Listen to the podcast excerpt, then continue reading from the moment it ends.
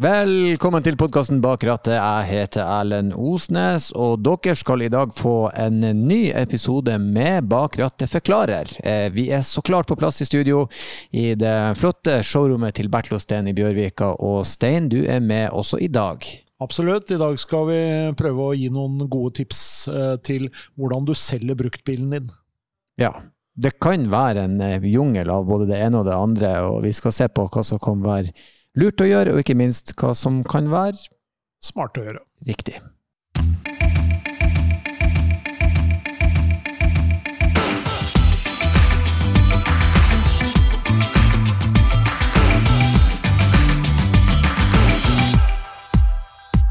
Oh, hallais, godt folk. Da var det klart for at en episode med Bak rattet forklarer. Og vi er på plass eh, i det Jeg må si, studioet vokste på meg, Stein. Trives du like godt som meg? Fabelaktig. Det er jo sentralt og ganske Det begynner å skje litt ting også nede i Bjørvika nå. Ja, det, vi, vi begynner, verden begynner å våkne til live igjen, og det er godt å se. Eh, vi skal ha en Forklart-episode, og vi skal snakke om det med å, å, selge bil privat. Og jeg må jo ærlig innrømme at jeg har jo solgt bilene mine for mindre, bare for jeg har bare bytta de inn når jeg har kjøpt meg en ny bil, fordi at jeg har, jeg har vært usikker på hva som er hva i denne situasjonen. Så jeg syns det er greit at vi tar en gjennomgang på det, for det er en del ting jeg lurer på. Og det første jeg egentlig lurer på, er hvorfor kan det lønne seg å selge bilen privat? Nei, det er jo sånn at uh, du kan som regel få mer betalt for bilen din hvis du selger den privat. For det er klart at hvis du leverer den inn uh, til en bilforhandler, eller selger den til en oppkjøper eller noe annet, så er det jo sånn at den som kjøper bilen av deg da, de overtar jo også ansvaret for bilen. Så særlig hvis det er en bil som er utenfor garanti, eller nærmer seg slutten av garantitiden, så er det jo sånn at en forhandler skal jo ha både en fortjeneste etter å ha solgt bilen videre, han skal ta den risikoen ved at det kan være noe feil med bilen, og så skal jo han betale både lønn og husleie og kanskje annonser og hele den, den, biten der. Og det samme gjelder jo for oppkjøpere og sånne salgstjenester på, på nett, som det finnes en del av. De driver jo forretning, og når de gjør jobben for deg, så skal jo de ha litt betalt. Så hvis du trenger å få mest mulig for bilen, så kan det være en idé å selge privat. Ja, egentlig er det sånn logisk, men det som skremmer meg, er jo den der risikoen. Men hvordan hvilken risiko er det egentlig for meg å selge en brukt bil? Hva kan jeg holdes ansvarlig for? Ja, det er klart at uh, Hvis du selger en bil som har garanti, så er du jo selvfølgelig litt tryggere. Så Hvis det er en forholdsvis ny bil, så er jo risikoen mindre. Hvis det er en uh, fem, seks, sju, åtte, ni år gammel bil, kanskje, så er det klart at uh, da er det jo sannsynlig at det er og kan være feil.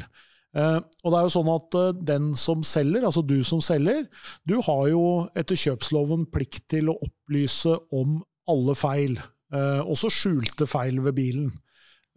og den som kjøper bil av deg, har faktisk lov til å klage inntil to år etter at du har kjøpt bilen. Det, det tror ikke jeg det er alle som vet. Nei, og derfor så er det jo ofte sånn at det er ikke uvanlig da, at biler Uh, selges som de er, som det er noe som heter. Mm. Uh, særlig litt eldre biler. Men det er klart at hvis du ikke har gitt riktige opplysninger om bilen, uh, så kan fortsatt kjøperen komme tilbake og klage hvis det er ting som du burde ha visst om, og som du ikke fortalte om eller la i kontrakten. Mm. Ok, men sett at jeg er villig til å ta risikoen og bestemme for å selge bilen sjøl, fordi jeg vil selvfølgelig ha mest mulig for den, som de fleste vil. Hva er si, et lurt første steg? Hvor er begynner jeg? Tenker at uh, hvis du er litt uh, Hvis du vil være så trygg som mulig, så er det lurt å ta en bruktbiltest eller en tilstandsrapport. Uh, da har du papirer på, på, bilens tilstand, og det er betryggende for deg, og ikke minst for den som kjøper bilen. Og det kan også bidra til at bilen står ut litt på, på Finn, at du skriver at det følger en, en bruktbiltest med. Um, hvis det er mindre enn seks måneder til bilen skal på EU-kontroll, eh, så bør du sørge for at den er godkjent før du legger den ut for salg. Det er også en, eh, en veldig sånn betryggelse. Og nå er det jo sånn med EU-godkjenning at den varer to år fra den dagen bilen er godkjent. Før så var jo dette et sinnrikt system med eh, registreringsnummer og hvilken måned bilen skulle inn på EU-kontroll, Ja, men nå stemmer. har de heldigvis justert det sånn at eh, det er to år fra den datoen. Så hvis du velger å ta det to måneder før han går ut, så er ikke det noe problem, men da må den jo da selvfølgelig godkjennes to år etterpå. Mm, riktig. Ok, men så bra bilder og en bruktbiltest. Og så må du også beskrive bilen, altså at den står seg litt ut. Har du noen tips her? Ja, altså jeg tenker at uh, det å lage en god annonse for bilen, det er viktig. Um, og da trenger du en god del bilder, og du trenger helst gode bilder.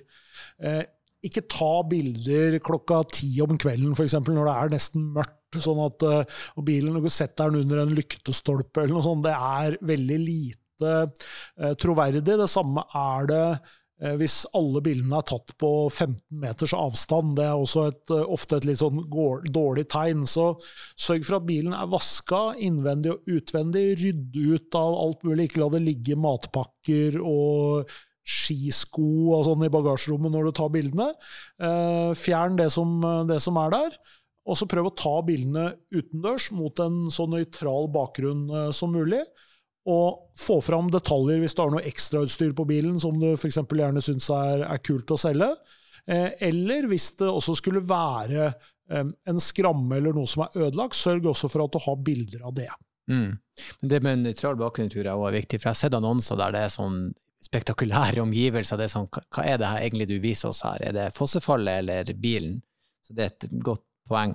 Men ok, jeg har lagt ut annonsen, jeg har eh, brukt biltesten, jeg har alt på stell, eh, og så får jeg en interessert kjøper. Prøvekjøring.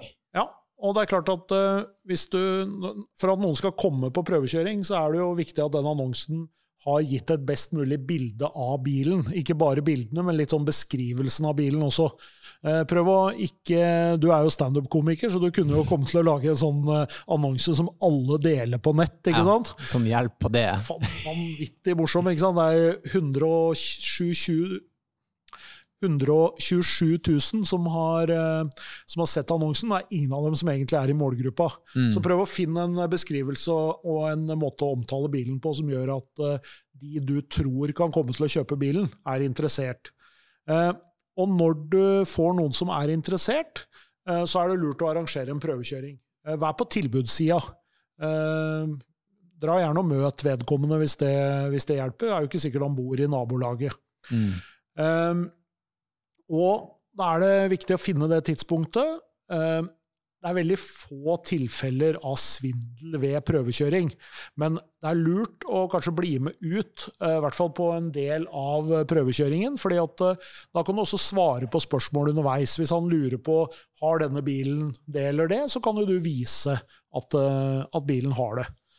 Um, og så er det lurt å sjekke legitimasjon, og husk på det at det er din bilforsikring som gjelder når eh, noen prøvekjører bilen din. Så hvis noe skjer, så er det faktisk ditt problem. Mm.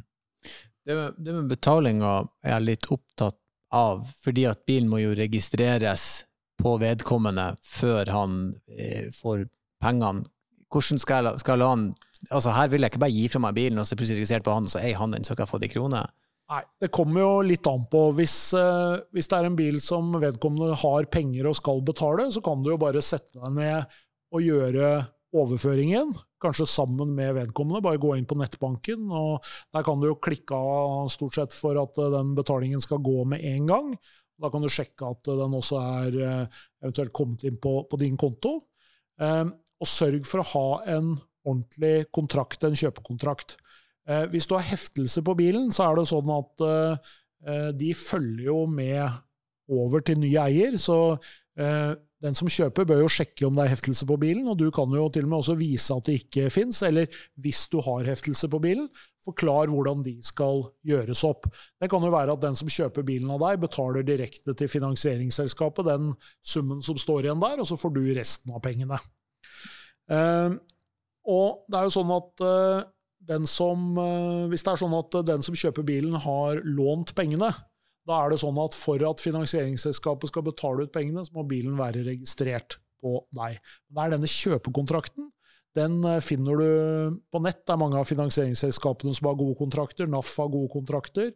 Eh, og Hvis du kjøper bil på Finn, så har de en digital kontrakt også som du kan bruke. De har jo også nå fått et system hvor du kan omregistrere bilen direkte der. Hvor du gjør alt i en operasjon. Mm. Men hvis ikke så er omregistrering kjempeenkelt. Du går inn på, på Statens vegvesen sine sider, og så legger du inn informasjon om den som skal kjøpe bilen. Han får en SMS, godkjenner, og så blir bilen overført. Når omregistreringsavgiften også er betalt. Mm. Så enkelt som det. Ja, men ok, så jeg har bra bilder, jeg har en bruktbiltest på plass, men så må man vel også beskrive bilen sånn at den står seg litt ut blant de andre? Ja, og det er jo klart at for en fyr som deg, da, som er standup-komiker, så er det jo lett å la seg dra inn i en, eh, en, morsom tirade som kanskje gir 120 000 treff på annonsen, men eh, ikke blant noen av de som er interessert i å kjøpe bilen.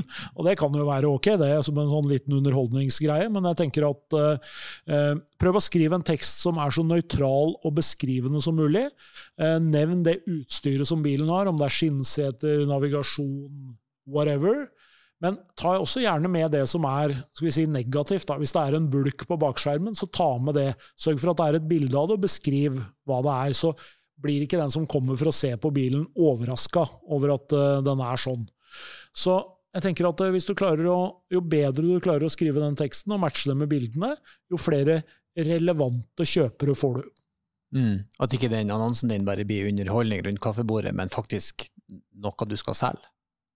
Ok, så da eh, Jeg finner en kjøper, men her er det litt sånn eh, Hva kan jeg kreve når han kommer til meg? Kan han kreve prøvekjøring? Skal jeg, skal jeg se lappen hans? Altså, har du noen tips her? Jeg tenker at det alltid er greit å se legitimasjon før man sender noen av gårde med bilen. Altså, Sjekk at vedkommende har førerkort, f.eks. For, eksempel. for det er klart at hvis du slipper en fyr av gårde som ikke har førerkort, og han vraker bilen din, så er det din forsikring som gjelder. Det er ikke sikkert du får igjen noe i det hele tatt. Så, så det er ikke uhøflig å, å be om det.